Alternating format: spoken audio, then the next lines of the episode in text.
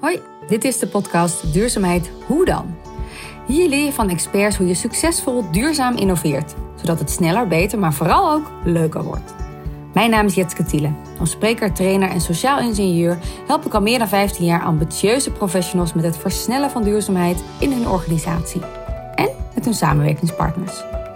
Wat heb je nodig? Waar moet je rekening mee houden en hoe doe je dat?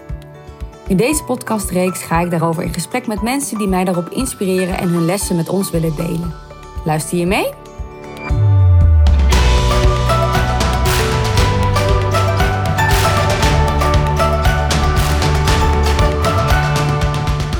Ik denk dus in je brandingstrategie gaat het ook heel erg over wat is je bedrijfscultuur. En ik denk dat dat een aspect is waarin we het menselijke vaak niet heel erg meenemen. Uh, dus dat het vooral heel erg gaat over de doelstellingen van de organisatie. Hoe gaan we de cashflow uh, op gang houden? Wat is het businessmodel? En uh, dat we mensen meer zien als poppetjes in de organisatie die we één keer per maand uitbetalen voor hun uren. Terwijl zij zijn de energie en de driving force van je bedrijf. Dus hoe ga je om met de mensen in je team? Hoe zorg je voor hun? en, en ook daar de verwachtingen in naar elkaar. Uh, want als je gezonde, vitale medewerkers hebt, um, die je heel erg meeneemt en hun de verantwoordelijkheid geeft, dan, worden, dan gaan ze die verantwoordelijkheid ook nemen. Hè? Of dat nou een millennial is of een werknemer van welke leeftijd dan ook. Ja. Uh, dus ik denk dat dit gaat heel erg over living the brand. Hè? Als je in je kernwaarde duurzaamheid hebt, zorg dan ook op, voor duurzaamheid in je, in je team. En wat betekent dat dan? Hoe moet je dan voor je team zorgen of hoe zorg je voor elkaar in je team? Visionair en verbinder, maar vooral vrijheidsmiljonair. Juliette Schrouwer zet zich met hart en ziel in voor de regeneratieve wereld. Ze wil onze relatie met de natuur en de ander herstellen. Spelen, ontdekken en de ruimte om te ontwikkelen waar je je plezier uitput. Want pas als je je aangeboren nieuwsgierigheid en creativiteit kunt aanboren, krijg je de kans om te floreren. Inmiddels is Juliette regeneratief ondernemer en initiatiefnemer van de duurzame basisschool Now School, waar kinderen alle ruimte krijgen om op te groeien tot holistische denkers en doeners. Ook startte ze de branding agency De Now en de online academie Vrijheidsmiljonair. Ze stond in de duurzame jonge 100 lijst en ze was een van de 21 triodos verbeteraars. In deze podcast ontdek je waarom een co-learning community cruciaal is als je wil verduurzamen hoe je met een krachtige visie gelijkstemdige mensen aan je kunt verbinden. En waarom het soms belangrijk is om los te laten en de ideeën te laten stromen. Ook vertelt ze over haar zelfgebouwde groene huis. Over millennials die juist niet de corporate ladder willen beklimmen. En over het belang van meer tijd op je bankrekening. En hoe doe je dat?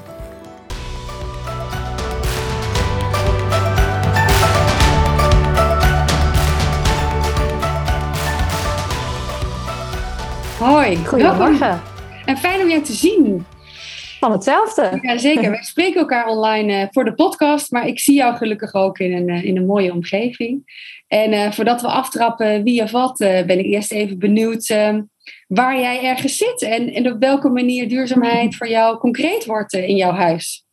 Nou, heel concreet. Heel fysiek ook. want mijn vriend en ik hebben het afgelopen jaar een volledig duurzaam en ecologisch huisje gebouwd op een voormalig recreatieterrein, wat inmiddels een woonbestemming heeft, in de buurt van Utrecht, maar wel in het groen. Ja. Dus we zijn met 20 minuutjes zijn we in de stad en we wonen aan een hele mooie zwemplas. Um, ja, dus, dus de, de bouw van ons huisje hebben we echt helemaal rekening gehouden met hoe zorgen we ervoor dat ons eigen welzijn zo gezond en optimaal mogelijk is. Um, en deze omgeving draagt daar natuurlijk ook heel erg aan bij. Dus in de natuur, met de natuur samenleven, dat staat hier wel heel erg centraal. Ja, is het een beetje vakantiegevoel? Dat zo, het is, uh, ja, het is dus zeker het vakantiegevoel. Dat was ook wat we hebben opgeschreven toen we nou ja, wisten dat wij dit gingen bouwen. Zo van, we willen heel graag uh, ja, het gevoel van elke dag uh, op vakantie zijn. Dus het gebeurt wel eens dat we dan weg zijn geweest, terugkomen thuis en dat we zeggen: Oh, het voelt net alsof we weer op vakantie zijn. dat is de beste manier eigenlijk. Hè? Dat is de beste manier, ja. ja. Dus, uh, nou ja, dus door zonnepanelen, door warmtepomp, maar ook door de vorm van isolatie. Dat is helemaal van hout. ja, echt, gewoon, echt geprobeerd geen chemicaliën en, en ja, ehm, gemodificeerde producten te gebruiken, maar echt natuurlijk. Ja, leem op de muur en ja. Ik kan me voorstellen, dat is best een zoektocht. Uh, het is ook Zo. Uit, uh, uitzoeken. waar, waar, ben je tegenaan gelopen? Want zomaar die materialen bij de barmarkt is wel ingewikkelder, denk ik. Ja, zeker. We zijn tegenaan gelopen, want het is een project geweest. En ook onze aannemer, want we hebben heel veel mee zelf gebouwd. Maar gelukkig ook onder begeleiding. En ik denk dat onze aannemer ook wel zag als een pionierproject... waarin hij ook heeft geprobeerd nieuwe materialen te gebruiken. Dus het was echt een enorme puzzel om dat allemaal op elkaar aan te laten sluiten. En ja, hoe, hoe ga je je buitengevel stukken als je daar houten platen tegenaan hebt? Weet je, dat soort dingen. Het moet allemaal wel matchen. Hmm. Dus het was heel erg on the go. Learning by doing, uh, zal ik maar zeggen. Ja, precies, precies. En, en daarin ook uh, soms achteraf gezien een foutje gemaakt. Je denkt, oh, dat oh, ja, hoor. willen aanpakken. Ja, ja. Ja, maar ik kan toch wel zeggen dat onderaan de streep het allemaal beter is uitgepakt dan wat we hadden gedacht. Maar er is ook heel veel misgegaan. Ja. en dat heb ik allemaal gevlogd voor de luisteraars. Dus als mensen het leuk vinden, dan uh, ja, ik heb een hele vlogserie over. Nou, zeker leuk om naar te gaan kijken. En uh, ik heb het geluk gehad, uh, de, de, eer om het ook uh, in levende lijven te zien. En inderdaad, het voelt ook heel, heel prettig, heel prettige plek. En wat ik ook heel leuk vond, ondanks het feit dat het in zoverre een nieuwbouwhuis is, heb je ook heel bewust wat oude elementen erin gebracht. ik zie ze volgens mij ook half. ja, de oude deuren inderdaad. Ja, ja, die had je al heel lang apart staan, of niet? Om, die hadden we apart staan inderdaad, ja. En we hebben ook bijvoorbeeld ervoor gekozen om niet recht, die hoort af en toe uh, ervoor gekozen om alle hoekjes uh, rond te stukken, wat ook een heel ander gevoel geeft dan toch de recht toe, recht aan, wat we normaal gesproken gewend zijn in Nederland. Um, maar de, inderdaad, de balans tussen oud en nieuw, dat, ja, een oud, oude dingen geven natuurlijk gewoon een ziel aan een huis. En dat is ook duurzaam. Dus hoe hergebruik je oude materialen weer opnieuw? Ja, mooi. Een stukje dierbaarheid teruggebracht of ingebracht eigenlijk in, je, in je woning. Mooi. Ja, mooie spulletjes van open dat soort dingen. Ja. Ja, al belangrijk. Nou ja, geeft het al aan hoe je daar thuis in ieder geval heel duidelijk invulling aan geeft. Maar ook vanuit je, vanuit je vakgebied, vanuit je ondernemerschap uh, geef je daar invulling aan. Je noemt jezelf inderdaad een regeneratief ondernemer. Kan je mhm. toelichten uh, wat, dat, wat dat voor jou inhoudt?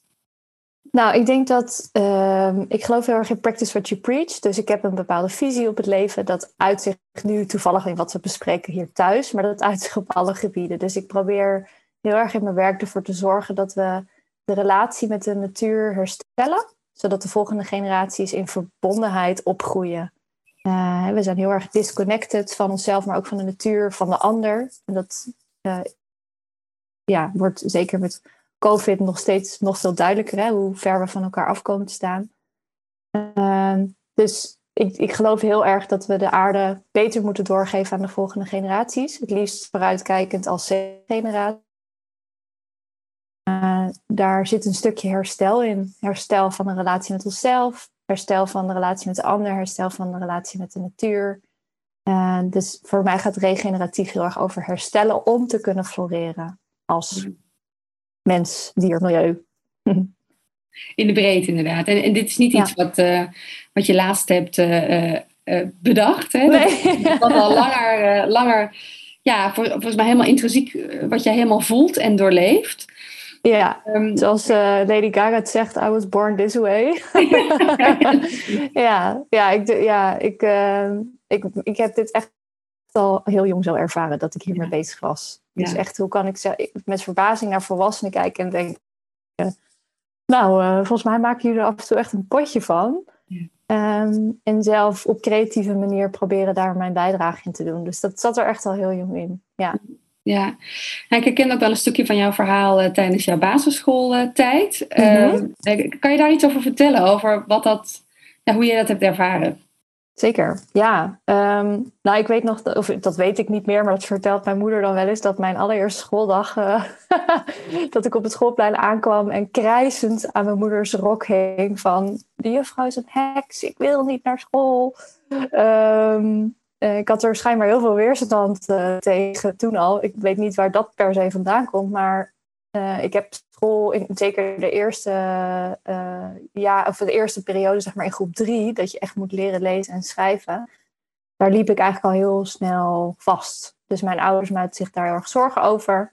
En toen hebben ze me op een gegeven moment op aandringen ook van de school, omdat, of eigenlijk hun aandringen naar de school toe, gezegd van ja, we, zien gewoon dat Juliette langzaam aan een achterstand oploopt. En de school vond het allemaal maar ingewikkeld. En toen hebben ze me laten testen op dyslexie. Dus uh, nou, dat bleek ook wel met vlag en wimpel dat ik daar verslaagde.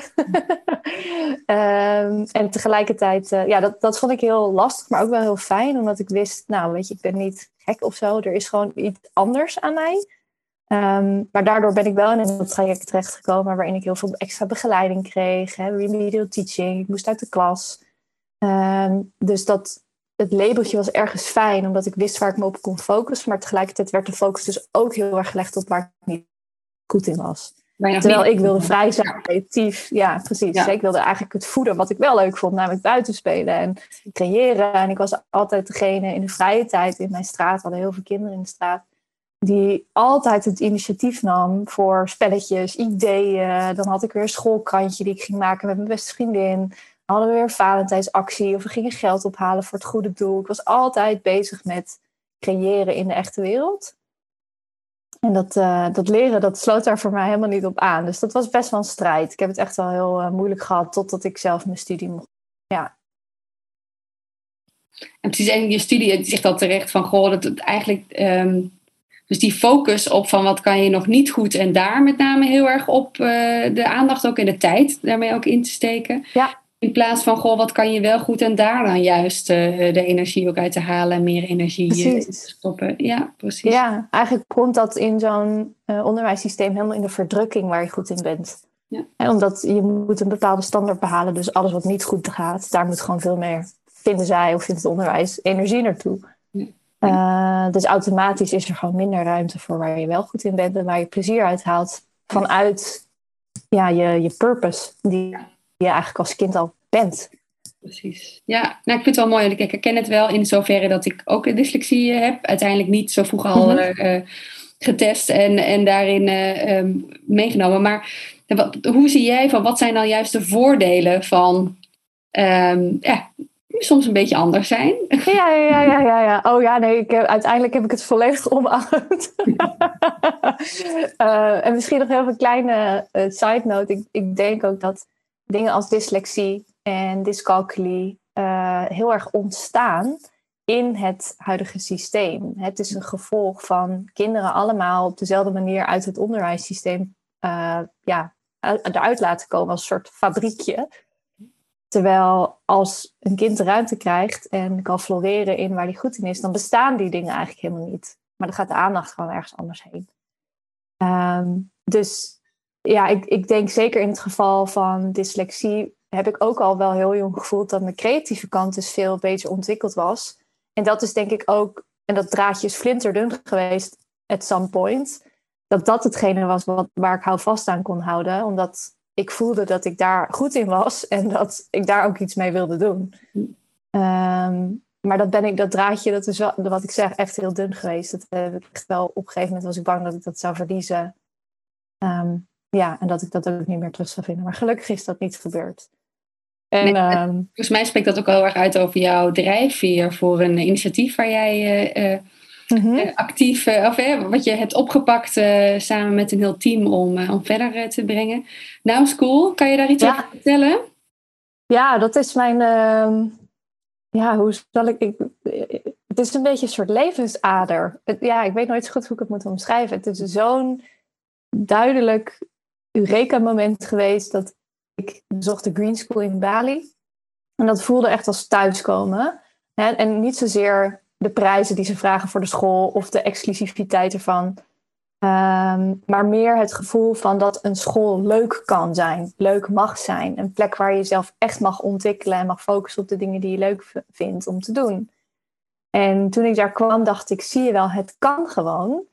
En um, met die gedachte ben ik terug naar Nederland gegaan. En ik heb gewoon mezelf afgesproken, nou dit is jouw pad. Dit is wat je gaat doen. Uh, al het andere is fantastisch, is leuk, is een, is een extraatje. Maar dit is wat je te doen hebt op deze aarde. Dus go for it. Uh, en ja, dat klopt wel met wat je zegt. Het is, het is soms ook een flinterdun draadje van gaat het lukken? Hè? Eh, elke keer weer met hakken over de sloot naar de volgende fase. maar ja, het gaat, het gaat goed en het gaat er komen. Daar ben ik 100% van overtuigd, wat 1000% van overtuigd. Ja, ja. Ehm, ja dus het is een, een regeneratieve basisschool.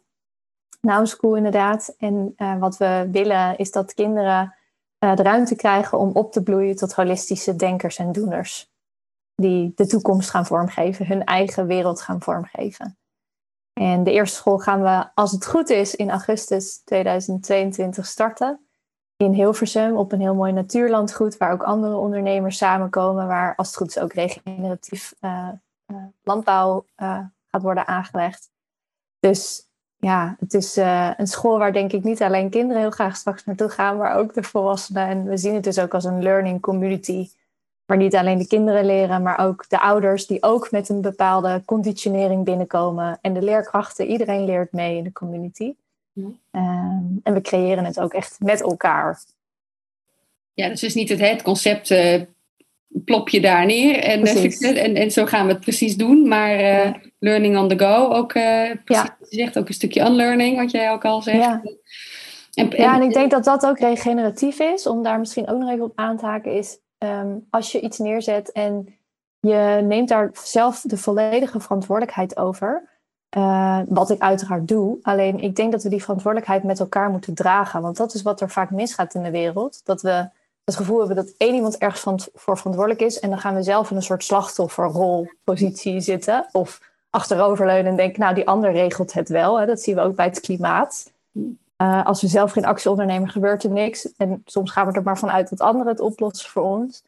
Ik denk dat um, een co-learning of een learning community ook heel erg uitnodigt om met elkaar die verantwoordelijkheid te dragen. we zijn zelf echt de makers van het succes van Now School. En ja, wij zetten bepaalde kaders neer omdat we geloven dat dat eraan gaat bijdragen. Maar we doen het echt samen. Ja, dat is een heel wezenlijk iets wat je zegt. Uh, dat, het, uh, dat, dat het vanuit kooschap in dit geval ehm, eh, gemaakt wordt. En, en, dat, dat wil je natuurlijk ook graag, ook, ook binnen organisaties en binnen bedrijven of binnen teams. En, en wat is jouw manier om dat voor elkaar te krijgen? Maar, hè, want jij, jij, als ik dat zo mag schetsen, je, je zet een heel duidelijke visie neer. Dit is wat, we, wat er mhm. nodig is. Hè? Mhm, mhm. Maar ook uh, wat we graag zou willen bereiken. Maar dan komen er op een gegeven moment mensen op af. En, en zorg je ervoor dat dat, dat dat samen een team is? Of welke manieren heb je daarvoor uh, toegepast of wat heb je daarin geleerd? Om dat ook nou, zo voor elkaar te krijgen. Um, allereerst denk ik niet dat er echt een gouden graal is. Dus dat ik nu niet in één zin of, of tip kan samenvatten. Nou, als je het zo doet, dan gaat het sowieso goed. Um, maar ik denk wel dat mijn achtergrond is brandingstrategie. Ik uh, geloof heel erg dat je door middel van uh, een goed kompas vanaf het begin van je organisatie, maar ook als je al on the go bent en je hebt het gevoel, hé, hey, dat klopt niet meer, om heel erg terug te gaan naar de basis en essentie van waarom doe je wat je doet. Dus vanuit brandingstrategie denk ik dat Now School daardoor heel ver is gekomen, omdat er super duidelijke visie en missie stond, um, kernwaarden, en uh, tegelijkertijd ook een manier van hoe het uitgedragen is. En brandingstrategie gaat heel erg over dat kompas in woorden creëren, maar ook hoe ziet dat er visueel uit. Dus heel erg proberen mensen een, een plaatje te laten zien van hoe die visie er dan uitziet. En ik denk dat dat er enorm aan heeft bijgedragen dat mensen kunnen aanhaken. Want ik merkte heel erg in het begin dat ik heel erg aan het vertellen was en moest uitleggen. En op het moment dat ik een visual maakte, toen snapten mensen het opeens ook veel beter. En dan heb je echt een praatplaatje. Ja.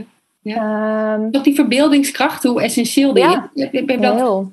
Merk je, krijg dat ook terug van, goh, hé, hey, maar ik snap nu wat je bedoelt doordat ik het zie of dat, dat ik het kan uh, visualiseren? Nou, ik denk niet dat ik het zo letterlijk heb gehoord van mensen, maar ik heb het wel gemerkt in hmm. hoe het team zich is gaan vormen en hoe mensen zijn, hebben kunnen aanhaken. Ja. Uh, dus ik, ik weet ja, 100% zeker, hè, het wordt ook wel eens gezegd, uh, one picture speaks more than a thousand words, is het volgens mij. Ja, ja, ja.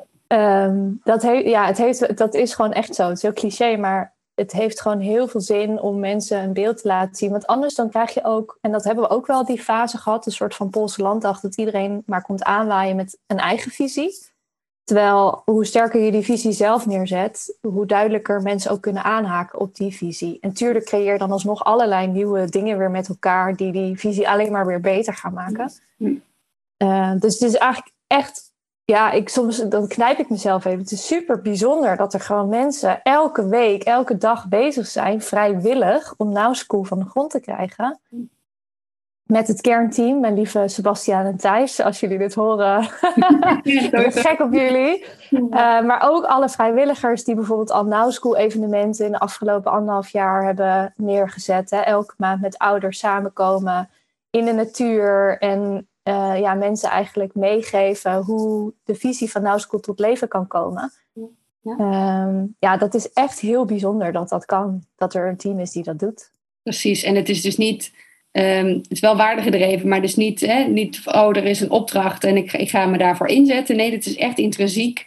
Ik zie hier een kans, dit is nodig. Um, en misschien, misschien voor mij of voor mijn kinderen, maar. Eventueel voor, voor juist voor, uh, voor anderen. Ja. Dus, uh, dus daarmee uh, duidelijke beweging creëren en, en jou ook daarmee een steuntje in de rug ja. denk ik, of niet? Nou ja, dat, ja ik denk dat uh, hoe meer mensen er aanhaken in een team, hoe meer je uh, rollen kunt verdelen, hè, de, de workload kunt, kunt dragen met elkaar. Ja. Uh, en dat heeft er voor mij ook voor gezorgd dat ik was in het begin, zeker helemaal in het begin toen ik hiermee begon, was ik ehm, alles in mijn eentje aan het doen. En ik kan steeds meer in een um, gelijkwaardige leiderschapsrol. Ik heb daar nog niet helemaal een naam voor, maar ja, uiteindelijk ben ik natuurlijk de visiemaker achter Now School. Dus iedereen kijkt wel altijd naar mij zo van, oké, wat is de visie? En, maar dat doen we ook wel heel erg samen, dus dat is heel fijn. Uh, maar daardoor kan ik steeds meer uh, in mijn kracht komen te staan, wat ik goed kan. En kan ik ook veel meer loslaten. En dat is een proces um, waarin andere mensen, en hoe, ik merk hoe meer ruimte ik daarin geef, hoe meer dat gaat stromen dus ik zit wel in de marketing- en communicatie-appgroep, dus ik weet wat er speelt. Ik kijk mee, meer vanuit een helikopterview als ik het gevoel heb: hé, hey, hier hebben ze iets van mij nodig. Maar ik ben niet meer de hele dag zelf bezig met posts en filmpjes en visuals en uh, ja, uh, alles waarvan ik denk dat we het met elkaar moeten doen. Dus dat is heel, heel fijn. Ja, gaaf. En als we dan een klein beetje vooruit mogen kijken, we zijn vijf jaar verder. Mm -hmm. uh, het staat er ergens op die plek in Nederland. En um, ja, wat is het dan wat je inderdaad gunt? Of degene die daar komen dus gunt? Um, ik hoop dat we dan door de hybride fase heen zijn. Dus dat we echt uh, ja, heel, heel uh, goed flowen met elkaar. Dat we vanuit heel veel energie ontzettend mooi onderwijs aan het creëren zijn met elkaar. En dat het niet uh, stopt bij één locatie. Want de ambitie is veel groter dan dat. En we willen eigenlijk, we zijn een onderwijsrevolutie in Nederland aan het starten. En die gaat ongetwijfeld ook buiten de grenzen van Nederland uiteindelijk. Um, en ik heb heel erg het idee dat, en dat zal in vijf jaar zal die, zal die tijd dat gaan uitwijzen, dat wij starten als particuliere school omdat we eigenlijk niet anders kunnen. We, we hebben een heel uniek uh, concept wat niet in reguliere systemen passen. Dus we hebben ervoor gekozen om nu als particuliere school te beginnen. Met de wetenschap dat we daar heel uh, slim naar kijken. Eigenlijk bijna vanuit een ondernemende bril.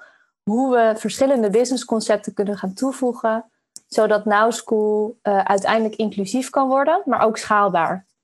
Zodat we op hopelijk korte termijn maar wel met een lange termijn doel erachter, het reguliere onderwijssysteem misschien uiteindelijk overbodig maken. Niet als een soort strijd dat we daarvan moeten winnen, maar dat dit gewoon uiteindelijk uh, het soort onderwijs is wat we alle kinderen bieden. Uh, dus we zijn en zowel bezig met van binnenuit proberen iets te veranderen, maar we hopen dus ook op een gegeven moment uh, de overheid hierin te betrekken en te laten zien en nadat we een soort proof of concept hebben in vijf jaar, kijk eens wat er mogelijk is. En ondertussen gaan we gewoon keihard knokken om dat op meerdere plekken van de grond te krijgen. Dus... Mooi. Ja, je zegt wel iets moois van, goh, um, aan de ene kant heb jij natuurlijk zelf een, een, duidelijke visie neergezet van, goh, dit is wat we uiteindelijk willen bereiken. Maar, maar het doel is breder dan dat. Hè? Dus het is de verandering van het onderwijssysteem of, of in ieder geval de mogelijkheden daarin, die zullen daar ook door beïnvloed worden, hè, geïnspireerd. Of, en, en ook wel vanuit dezelfde misschien urgentiegevoel gevoel ook veranderen. Of in ieder geval ook bezig zijn op dat, dat vlak. En, en, dat, is, dat is natuurlijk mooier, dat je het dan breder trekt. Of breder effect heeft of impact heeft dan... Ja, ik denk dat door een particuliere en voor veel mensen, zien ze, veel mensen zien dat ook als een soort inclusief of exclusieve school. Ja. Wij zien dus dat dit de route is naar uiteindelijk heel inclusief onderwijs. Ja. En uh, ik merk dat mensen dat dus soms lastig vinden. Hè? Want we hebben het nu over bedragen van 600 tot 700 euro per maand. Wat voor heel veel mensen natuurlijk echt heel veel is. Ja als je dat gaat vergelijken met het reguliere onderwijs, kost het reguliere onderwijs dat ook. Alleen zien wij die kosten niet, want die betalen we niet zelf, maar die betalen we indirect met belasting. En de overheid betaalt dat uiteindelijk voor onze kinderen. Ja. Ehm, maar ik denk dat we hebben zo'n lange termijn plan dat we er echt in geloven dat dit de route gaat zijn die uiteindelijk veel meer impact gaat maken dan in het reguliere systeem en van binnenuit heel hard te gaan knokken. Merk je daar nu ook al dat, dat er ook uh, mensen uit het onderwijssysteem, uh, noem ik maar even, kijken naar jullie van, goh, wat kunnen wij daarvan leren? Of wat, wat zijn de ontwikkelingen waar, waar we zelf ook iets mee, uh, mee kunnen? Heel veel. Ja, ja. um, en dat is ook iets wat ik zelf beter moet gaan managen. Maar ik word eigenlijk echt de hele dag benaderd op Instagram, op LinkedIn, in de mail van mensen die heel graag een keer koffie willen drinken, willen zitten, inspiratie op willen doen over hoe wij het aanpakken. En daarom zijn dit soort podcasts of andere publicaties ook zo fijn, omdat we proberen zoveel mogelijk open source te delen, maar via een groter kanaal, zodat we meer mensen bereiken. Dus um, dat is ook voor mij de reden om tegen dit soort dingen ja te zeggen, omdat ik dan hoop, dan, ja, dan is er gewoon meer informatie beschikbaar voor een groter publiek. Ja. Uh, en ik merk heel erg dat we hebben aan de ene kant de doelgroep ouders, die echt op zoek zijn naar uh, ja, een vorm van onderwijs waarvan zij zeggen, nou, dat is wat mijn kind fijn zou vinden, blij van wordt, gelukkig van wordt. En aan de andere kant hebben we heel veel leerkrachten die um, ofwel in het reguliere systeem er klaar mee zijn en iets anders willen. Dus dan ontvang ik ja, liefdesbrieven van vijf kantjes, bij wijze van spreken. um, Of uh, leerkrachten die uh, met een burn-out uh, uit zijn gevallen en vanuit daar langzaam aan weer aan het kijken zijn wat ze kunnen betekenen in onderwijs, wat zij belangrijk vinden. Ja. Dus dat zijn onze twee grote doelgroepen. Dus het is interessant om te merken dat in een, een Nederland waar wordt verkondigd dat de leerkrachten tekort is, dat ze bij ons eigenlijk in de rij staan. Ja. Um, dus dat geeft voor mij ook wel weer aan dat niet alleen kinderen en ouders hier heel veel behoefte aan hebben, maar ook de leerkrachten. Ja. En voor iedereen staat dit systeem gewoon enorm onder druk. Ja. Ja, dat is wel interessant. Ik ben wel benieuwd. Kijk, iedere, iedere school is anders. Hè? En ik, de mhm. ervaring die ik heb is natuurlijk met, met, eh, met mijn eigen kinderen of, of uh, hun school. En uh, nou goed, dan ben ik toch ook wel hoopvol hoor. In de zin van dat er ruimte is voor uh, ouders om uh, een keer een, een gastles te komen doen. wat, wat we ook wel regelmatig doen. Maar, ook, maar ook waar ze de verhalen waar ze mee thuiskomen, zijn ze over de toekomst zijn ze gaan dromen. En hadden ze bedacht van, oh, dan gaan we tegenwoordig op uh, zonnebloemen gaan we dan rijden, reizen. Hmm. gaan we vliegen doen. En dan kunnen alle wegen kunnen dan zonnebloemenvelden worden. Nou, dat zijn dan, zijn dan, zijn dan kinderen van zes jaar die dat dan helemaal zo bedenken. Ik, nou, als we dat kunnen vasthouden, dan, dan komt het ja, wel. dat is mooi, hè? Ja. Kinderen die... Ik heb onlangs een heel mooi symposium bijgewoond. Dat heet de Holistic Vision Symposium. Waar we met, ehm, nou, ik denk 150 mensen over de hele wereld op allerlei gebieden die de toekomstige stad als het ware, of de toekomstige leefomgeving vormgeven. Uh, zijn we ook drie dagen bij elkaar geweest. Daar ging dan een jaartraject aan vooraf. En wat ik heb gevoeld aan het einde van dat symposium is dat eigenlijk iedereen op het onderwijsstukje zat. Op het unlearning, op, op het creëren van co-learning communities, op school, op onderwijs. Dat was voor mij zo'n duidelijke ja, trend die ik bijna voelde bij al die verschillende mensen. Ja. Uh, dat stemt mij ook heel hoopvol. En zeker als wat jij nu zegt, de kinderen als een soort wisdom keepers van deze aarde gaan zien. Hè? Dus niet meer de, de elders uit de indigenous tribes, maar dat wij echt kinderen gaan zien als degene die die wijsheid al in zich dragen. Ja, ja weet je, het, zij zijn gewoon de makers van de toekomst. En we, we, het, zou, het is zo raar dat we pas vanaf hun achttiende twintigste, 25ste naar ze gaan luisteren. Uh, en zelfs vaak nog later, omdat je jezelf nog moet bewijzen op de corporate ladder. uh, laten we nu al naar ze luisteren. Want wij zijn het namelijk kwijt. Als we dat durven in te zien, ja, dan ben ik ook heel hoopvol. Interessante. Als we dat durven in te zien, inderdaad. Ja, wij ja. zijn het kwijt. Dat is een hele belangrijke. Ja. En dan even terugkomen op het, op het vakmanschap. Want jij bent zelf ook gaan studeren in, in creatieve mhm. opleiding. En, uh, en, en een van de projecten waar ik wel erg onder de indruk van was, was het vakmanschap weer, uh, weer terug uh, te brengen. Dat is, het is een onderdeeltje natuurlijk van de, de, de wijsheid en, en het leren. Mhm. En um, ik heb hem zelfs om, want ik heb hem, ik heb hem mezelf cadeau gedaan. Ah.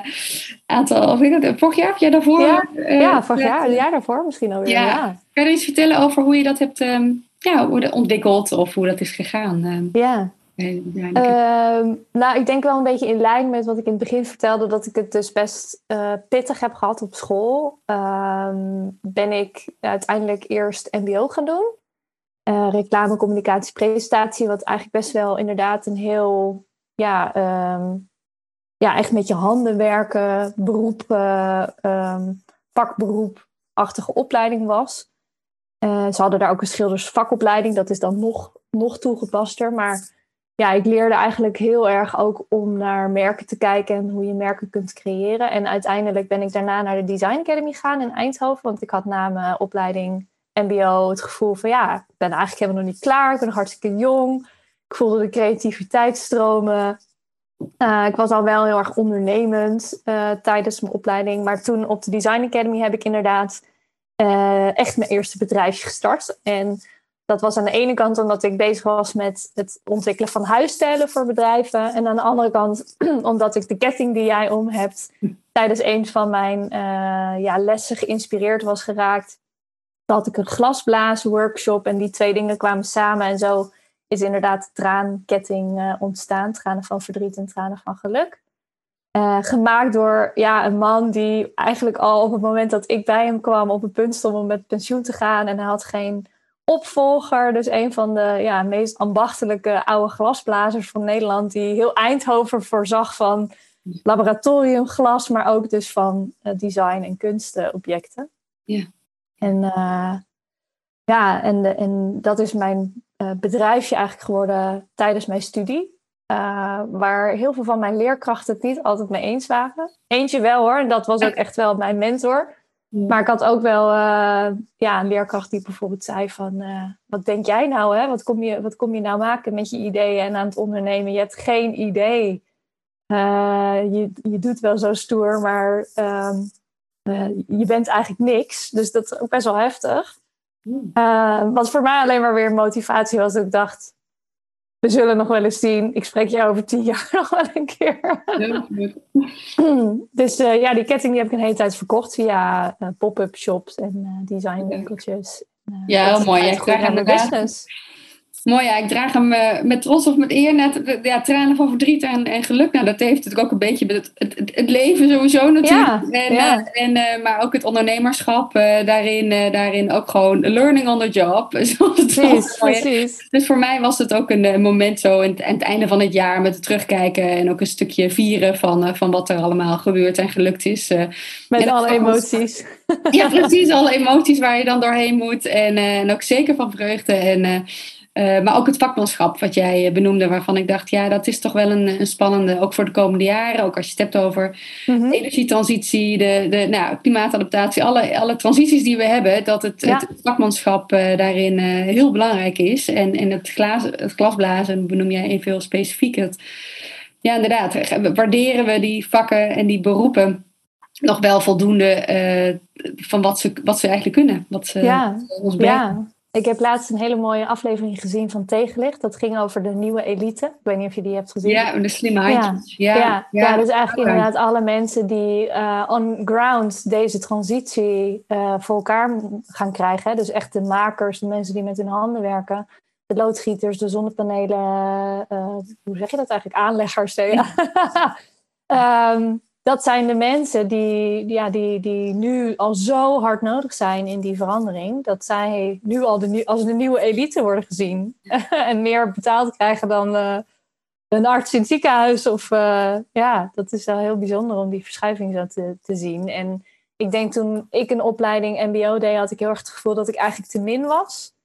He, zo van, oh ja, een MBO-opleiding. Nou, je moet minstens toch wel HBO doen. En dat was ook wel een beetje de tendens in mijn omgeving.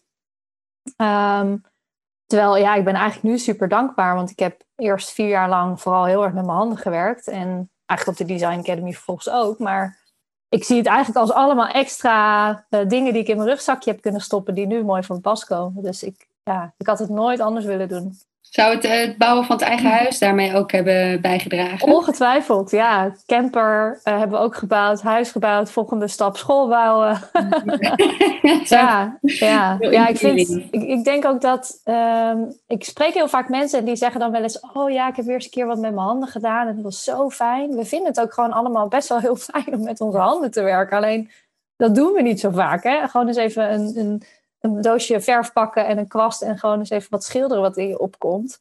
Dat is zo ontspannend. Het is zo, zo lekker om even uit je hoofd te gaan. Dus uh, ja, dat heb ik zeker ook. Ook al was het een paal een behoorlijke puzzel, heb ik dat wel ook zo ervaren. Ja. Ook een stukje ontspanning. Nou, heb ik mm. laatst binnenkort, of is de, het sedum is er uh, opgegaan? Uh, ja, ja. ja, ja, ja. ja ik, met je handen werken is ook hard werken. Hè? Fysiek zwaar werk. Maar Ehm, in onze vorige tuin hadden we een grote moestuin. En ik ga nu ook weer, deze tuin gaan we ook aanleggen. En ik heb verderop een klein moestuintje gehuurd die ik samen met mijn buurvrouw en mijn vriendin en mijn schoonvader waarschijnlijk ga onderhouden, is nu het plan. Uh, ik verlies ook altijd de tijd uit het oog als ik buiten ben. Ik weet niet of jij dat ook herkent. Ja, ja zeker. Ja. Ja, uh, wat voor mij gewoon een heel duidelijk signaal is van dat moet je gewoon, daar moet je de ruimte voor maken. lekker sedum op het dak gaan leggen. Dan heb je en fysiek ben je, heb je veel bewogen. Net zoals onze oervoorouders die eh, de hele dag op zoek waren naar voedsel. Ja. Uh, ja, dat is niet voor niets, want je had en fysieke lichaamsbeweging en je had uiteindelijk wat te eten om weer uh, de volgende dag weer fysiek aan de slag te gaan. Ja. Ja, ik merk dat zelf ook altijd. Als ik de hele week op mijn luie reet zit, daar word ik niet happy van. Nee. ik moet echt bewegen. Nou, dat vind ik ook wel, wel een goeie. Als je het hebt over, ik noem maar even veel, als ik dat zo zie, de duurzaamheidsprofessionals, die, die, die bewegen ook vanuit een soort zorg of vanuit een verantwoordelijkheid of vanuit een. Mhm. Oh, er is, er is noodzaak. Hè? We, we moeten aan de gang en er is iets mis. En, en hoe zorg je. Het, het belang van het ook nog steeds blijven zorgen voor je eigen lijf en geluk. Ja. Daar heb jij volgens mij ook wel een beetje een, een uh, modus in gevonden en een visie, Ja, ja. Misschien kan jij daarin de individuele professional helpen hoe, hoe je ja, dat zeker. doet voor jezelf. Ja, ja. nou het is uh, mooi, want je eerste vraag was hè, hoe, hoe leef je duurzaamheid in je, in je thuis? Mm -hmm. uh, maar ik zie mijn lijf ook als een thuis. Dat is mijn huis waar ik in woon, waar mijn ziel in woont. Um, en als ik, uh, het zou raar zijn als ik uh, goed voor mijn huis zorg en dat helemaal ecologisch en gezond welzijn creëer, maar dat niet in mijn eigen huis zou doen, mijn lijf. Ja. Dus ik uh, heb daar, eh, voorheen heb ik veel fysieke klachten gehad, vooral in mijn darmen. En daardoor ben ik ook op een reis gekomen om die verantwoordelijkheid niet bijvoorbeeld bij de huisarts te leggen, maar die verantwoordelijkheid heel erg in eigen hand te nemen en uh, daar ook mee aan de slag te gaan. Dus ik ben op het Ayurvedische pad terechtgekomen, waarin uh, ja, wij bestaan uit verschillende energieën, allemaal uit dezelfde energieën, maar de, de samenstelling verschilt per persoon. En dat heeft mij heel erg geleerd om mijn innerlijke huis, mijn soul, mind, body, spirit, alles erop en eraan, om dat ook goed te verzorgen. Want uh, als ik niet gezond ben en vitaal, kan ik dat ook niet zijn voor de ideeën tot leven brengen in de wereld die ik heb en met het team. Ja. Uh, dus hoe beter ik voor mezelf zorg, hoe beter ik ook uh, kan bijdragen aan de positieve impact die ik wil maken. Ja. Mooi. Dat is een belangrijk aspect uh, om daar Heel belangrijk. aan voorbij te lopen. Ja, je zegt hem ja. mooi. Nou, ook in onze contacten eerder in het jaar is dat, was me dat ook gewoon al opgevallen. Van, oh ja, een, een, een plek voor mezelf. Uh, oh ja, de, de, de tijd buiten.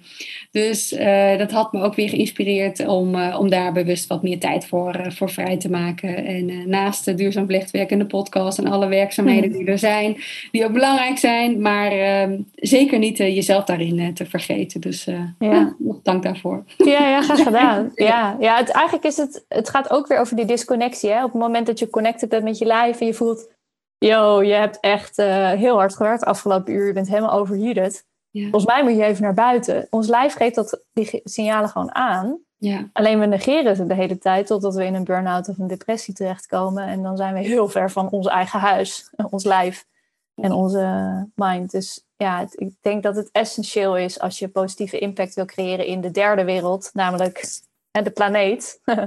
ons lijf, ons huis en de planeet. Mooi. Dus ehm, ja, dat zou ik echt wel iedereen aanraden in, in, om gewoon echt op dagelijkse basis. Maak daar een soort routine van voor jezelf. Om en tijd in de natuur door te brengen, om op te laden en tijd voor jezelf te nemen. En dan kun je ook veel beter creëren. Dan ga je veel harder. Precies. Ik zie die beweging sowieso al wat meer. Dat mensen ondernemen vanuit, veel meer vanuit hunzelf dan vanuit... ik ga eens even een bedrijf neerzetten met kantoorpersoneel en een logo en een laptop en dan ben ik er of zo. Dus, dus, dus die, dat, ik noem maar even dat ego naar eco verandering. Mhm. Zie je daar nog meer van dat soort bewegingen zo in jouw omgeving die dat eh, ondersteunen? Ja, ik denk eh, een beetje vanuit het vrijheidsmiljonair principe zie ik eigenlijk dat er, en zeker, zeker mensen van mijn leeftijd, dus ik ben nu uh, 34, is dat ehm, veel van de millennials het gevoel hebben, ik wil eigenlijk helemaal niet die corporate ladder op. Uh, ik voel dat er meer is dan dat. Ik wil eigenlijk het liever, uh, ja, ook geld, ook belangrijk, want daar kan ik mooie en goede impact mee maken. Maar ik wil ook vooral heel veel tijd op mijn bankrekening en energie op mijn bankrekening en kennis op mijn bankrekening die ik weer kan inzetten om die impact te maken. Ja, ja. Um, dus ik, ik zie wel heel erg veel mensen die daarin vastlopen, maar ook die daar actie op ondernemen om het dan vervolgens aan te gaan met zichzelf. Hm. Hm. Um, wat ik denk dat heel goed is zolang die tools er maar zijn voor mensen die dat willen. Ja, ja. En als ik hem ook even om mag draaien voor bedrijven die ook juist nog heel erg op zoek zijn naar dat nieuwe talent, het nieuwe personeel. Ja. Um, um, juist die millennials heel erg um, nodig hebben ook. Ook Ja. in, voor de interne veranderingen, uh, voor uh, hun, hun toekomstbestendigheid als, als bedrijf. Welk advies heb jij voor die bedrijven om zich te, uh, voor te bereiden om toch die millennial op een goede manier te kunnen ontvangen, die inderdaad Mhm. heel erg bezig is vanuit die impact, Ja, met het impact denken? nou, ik denk dus in je brandingstrategie gaat het ook heel erg over wat is je bedrijfscultuur. En ik denk dat dat een aspect is waarin we het menselijke vaak niet heel erg meenemen. Mhm. Uh, dus dat het vooral heel erg gaat over de doelstellingen van de organisatie. Hoe gaan we de cashflow uh, op gang houden? Wat is het businessmodel? En uh, dat we mensen meer zien als poppetjes in de organisatie die we één keer per maand uitbetalen voor hun uh, uren. Terwijl zij zijn de energie en de driving force van je bedrijf. Dus hoe ga je om met de mensen in je team? Hoe zorg je voor hun? Uh, en, en ook daar de verwachtingen in naar elkaar. Want als je gezonde, vitale medewerkers hebt, um, die je heel erg meeneemt en hun de verantwoordelijkheid geeft, dan, worden, dan gaan ze die verantwoordelijkheid ook nemen. Hè? Of dat nou een millennial is of een werknemer van welke leeftijd dan ook. Ja. Uh, dus ik denk dat dit gaat heel erg over living the brand. Hè? Als je in je kernwaarde duurzaamheid hebt, zorg dan ook op, voor duurzaamheid in je, in je team. En wat betekent dat dan? Hoe moet je dan voor je team zorgen of hoe zorg je voor elkaar in je team? Mooi. Kan je daar voorbeelden van noemen, van bedrijven die dat wat jou betreft goed doen? Uh, ik, kan, ik weet even niet meer de naam, maar ik heb eens een keer een filmpje. Dat vond ik altijd wel vind ik een mooi voorbeeld in Engeland. Um, en dat was een organisatie die hadden een, uh, een soort van pot waarin iedereen, elke werknemer, een droom mocht opschrijven van iets wat ze nog graag een keer wilde doen. Van een luchtballonvaart tot. Weet ik veel, schildpadden loslaten, baby schildpadden loslaten. Alles stond erop. Dus iedereen had, uh, elke werknemer had er een briefje opgeschreven en in die pot gedaan. En dan één of twee keer per jaar trokken ze een briefje uit die pot. En dan mocht een werknemer dat gaan doen. Hè, zijn droom verwezenlijken. Aan de hand van ja, de, toch de financiële groei die het bedrijf doormaakte. Uh, dus ik vind dat wel een heel, heel mooi voorbeeld. En ik ben nu ook een boek aan het lezen. I Let My People Go Surf van de founder van uh, Patagonia. Ja, ja, uh, wat ik ook een heel mooi, ja, positief activistisch merk vind. Wat zij heel goed doen. Hè? Dus ze zitten heel erg op kleding produceren, maar nog veel meer op repair inmiddels. En ze zijn ook filmmakers, platform geworden. En ze zijn heel, heel veel mooie dingen aan het creëren. Ja. Um, en daar voel je in alles wat ze publiceren en wat ze doen, dat daar een team die met heel veel liefde elke dag bezig is uh, aan werkt. En hoe ze dat precies doen, ja, ik ben zelf ook nog heel veel aan het leren, want ik moet dat natuurlijk voor Now School ook uh, leren. Ja, ja. Um, maar ik denk dat het, ga, ja, het gaat, het gaat, ik denk dat het heel erg dat we ons moeten realiseren dat het niet gaat over making a living, maar over making a life. Ja. En we hebben met mensen te maken die leven en niet mensen die we betalen voor uren. Ja. Uh, dat is al een mindset ding die we ja, Mooi. Ja, jij, jij zet hem heel scherp neer. En ik moet, ook, moet zelf ook al meteen denken. Excuus. En, ehm, en, en Gerard eh, Street, dat is een eh, Nederlandse merk die eh, koptelefoons maakt, helemaal circulair. Dus dan kan je onderdelen ook weer letterlijk laten vervangen. Dus dan Oh, als cool. het kapot is, dan stoor je het terug. En, en nou, maar ja, de mens, de gewoontes zijn toch wel, eh, helaas. Ik had een, het was een kabeltje kapot. Dus die had ik eh, opgegeven van, goh, eh, die heb ik heel netjes nieuw gekregen. Met een envelopje erbij. En ik zat, een envelopje, oh oh. Oh ja, ik moet natuurlijk dat kapotte kabeltje weer terugsturen. Dus, Ah. dus ik nu thuis, waar is dat kabeltje? Nou ja, die was al weggegooid. Dus ook zelfs nee. ik, hè, zelfs wij die er toch wel bewust mee bezig zijn... ehm, zijn toch, ja, de macht van gewoonte om dan toch weer dingen weg te gooien. Dus, dus Mm. nou, dat was me wel weer... eh, oh, het fout van de week, zeg maar. Ah. Dus, nou, ik, eh, ik, ben er nu met naar hun toe ook al iets aan het, op het verzinnen van... Goh, ja, hoe kan je dit ook gewoon zichtbaar maken? Van ja, ja uiteindelijk zijn we mensen, maar eh, het, Mm. kost nog moeite om, om dat ook weer in het systeem te krijgen. Dat je Ja. inderdaad gaat kijken van... goh, Nou, en dat vind ik wel heel grappig, want mensen die heel erg hiermee bezig zijn, hè, zoals jij zelf, we kunnen dan ook soms zo streng zijn voor onszelf als we het een keer fout doen. Terwijl we Ja. doen al superveel, denk ik, heel veel goed. Ja. En, ehm, en ik denk ook dat we onszelf. Alle hele kleine dingen zijn heel erg goed. Maar ik heb bijvoorbeeld soms het duurzame dilemma dat ik denk ehm, voor iets heel belangrijks, bijvoorbeeld de ontwikkeling van Now School, zou het goed zijn als ik bijvoorbeeld nu naar Ibiza ga. En dan moet ik de afweging maken, hoe ga ik daar naartoe? En dan denk ik, mijn tijd is heel waardevol, want met die tijd kan ik impact maken. Dus als ik dan vier dagen in de trein en de boot ga pakken om uiteindelijk op Ibiza aan te komen, dan eh, wat draagt het dan bij? Dus dan maak ik de keuze om bijvoorbeeld te vliegen, omdat ik weet dat het uiteindelijk onderaan de streep een grotere impact maakt als ik die tijd die ik overhaal vervolgens kan stoppen in het project. Ja, ja. ja je, je benoemt het wel heel mooi. Dit, noem even de 80-20 regel. Hè? Dus die Ja. 80% doe je al hartstikke goed. Ja. Oké, die 20 is dan soms een, een vraagstuk. Maar precies zoals je hem ook beredeneert. Ook van, goh, op welke manier... eh, ja, ja, ik wilde zeggen, praat je hem voor jezelf goed. Is al het verkeerde, verkeerde. Ja, het is Eh, gewoon een bewuste, een bewuste afweging. Ja, dat is het, denk ik. Ja, ja. ja, ja, precies. Wetende dat er uiteindelijk een eh, alternatief gaat komen voor vliegen. en, daar hou ik gewoon rekening mee. Ja. Ik hoorde daar les, wel een mooi voorbeeld over van een bedrijf die zeiden van goh, dat, dat eh, veel medewerkers gingen met vakantie met het vliegtuig. En de reden was van ja, inderdaad, dan ben ik snel op mijn vakantiebestemming. En toen hebben ze gezegd van nou, degene die hè, eigenlijk met vliegtuig zouden willen gaan, die mogen, die gaan met, mogen, als ze met de trein gaan, krijgen ze een dag of twee dagen dus extra vakantie. heel goed. Dus dat is eigenlijk op die manier van, eh, ja, van wat zit daarachter? Het is niet, ja, ik wil per se vliegen of zo. Nee, Ja. het is gewoon dat ik snel naar mijn vakantiebestemming wil eh, komen. Nou, op de lange termijn is weer de vraag wat houdbaar is. Maar ik vond het wel een mooi voorbeeld over hoe een bedrijf op een bepaalde manier kijkt en helpt. Van, Ja. hoe kunnen we dat ook, die transport op een andere manier Dit is een perfect voorbeeld wat je nu noemt van wat ik net ook zei, hè? living the brand. Dus dat Ja. het ook in je bedrijfscultuur en hoe je met je weder- medewerkers omgaat, die ruimte geeft. Dat is echt een super mooi voorbeeld. Ja. Ja. Ja, mooi. Nou, leuk eh, Juliette. Ja, en, en als je dan nog zo over nadenkt van, goh, wat is nog eh, zeker een, eh, een advies wat je zou willen meegeven aan ehm, de luisteraar van de podcast ehm, om eh, living the brand? Living the brand. Nou, ik denk dat het, het risico eh, ligt altijd op de loer dat we onszelf ontmoedigen door alles wat er in de wereld gebeurt. Ehm, en als we ons laten ontmoedigen, dan krijg je een beetje de situatie ehm, eh, ja, waarin, hoe zeg je dat altijd zo mooi? Ehm, de self-fulfilling prophecy. En dan is dat ook hetgene wat gebeurt. Terwijl ik geloof heel erg in dat we weer mogen gaan dromen. En dat sluit ook uiteraard het liedje op aan die ik jou heb toegestuurd.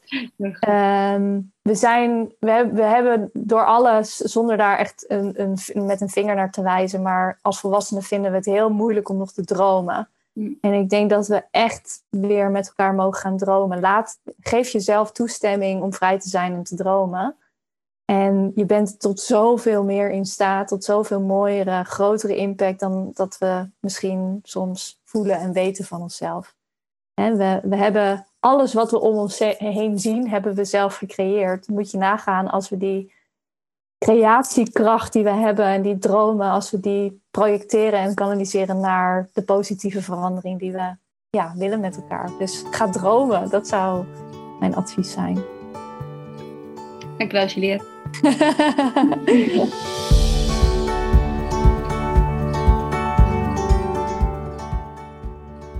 Je luisterde naar de podcast Duurzaamheid, hoe dan? Misschien moet die wel worden regeneratief, hoe dan? Maar wil je meer weten over Juliette, over de Now School of hoe je een vrijheidsmiljonair wordt? Zie dan de linkjes in de show notes. Luisterde je via Spotify? Sinds kort kan je ook sterren beoordelingen geven. Superleuk als je dat wil doen, zodat de podcast ondersteund wordt en anderen deze serie ook eerder kunnen vinden. En abonneer je vooral, zodat je op de hoogte bent als er nieuwe afleveringen vrijkomen. Je kan natuurlijk ook deze aflevering doorsturen naar iemand waarvan jij vindt dat hij het echt zou moeten horen. Wat neem je mee uit het gesprek? Ik ben benieuwd. Stuur me dan een berichtje. Bijvoorbeeld via Instagram of LinkedIn. Altijd heel erg leuk om van je te horen. Wil je een stapje verder? Wil je invloed hebben op de vragen of zelfs suggesties doen voor gasten? Word dan gratis onderdeel van het Duurzaam Vlechtwerk netwerk.